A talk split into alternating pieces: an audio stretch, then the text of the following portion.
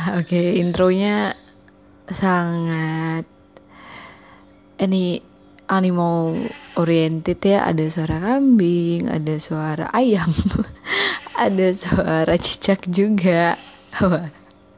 Heboh banget ya. Uh, hai, halo, aku mau kenalin diri dulu. Nama aku Nadina. Nah, di awal podcastku ini sih sebenarnya aku pengen curhat-curhat aja sih.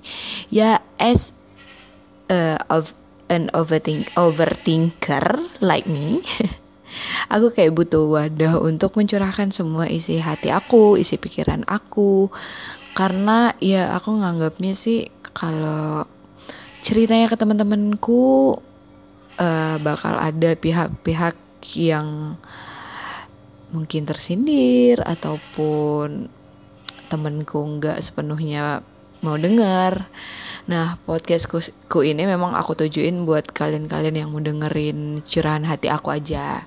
Atau mungkin juga punya permasalahan atau cerita yang sama. Nah, kita bisa sharing-sharing di sini kalau misalnya nanti uh, pendapatku atau omonganku salah ya mohon dikomentarin atau mungkin kalian juga mau kasih nasihat ke aku biar aku nggak jadi uh, seseorang yang overthinker lagi atau at least mengurangi lah atau nenangin aku gitu. Ya udah um, itu aja sih dulu podcast pertamaku yang sangat-sangat singkat. Semoga ya adalah manfaatnya sedikit ya. Bye bye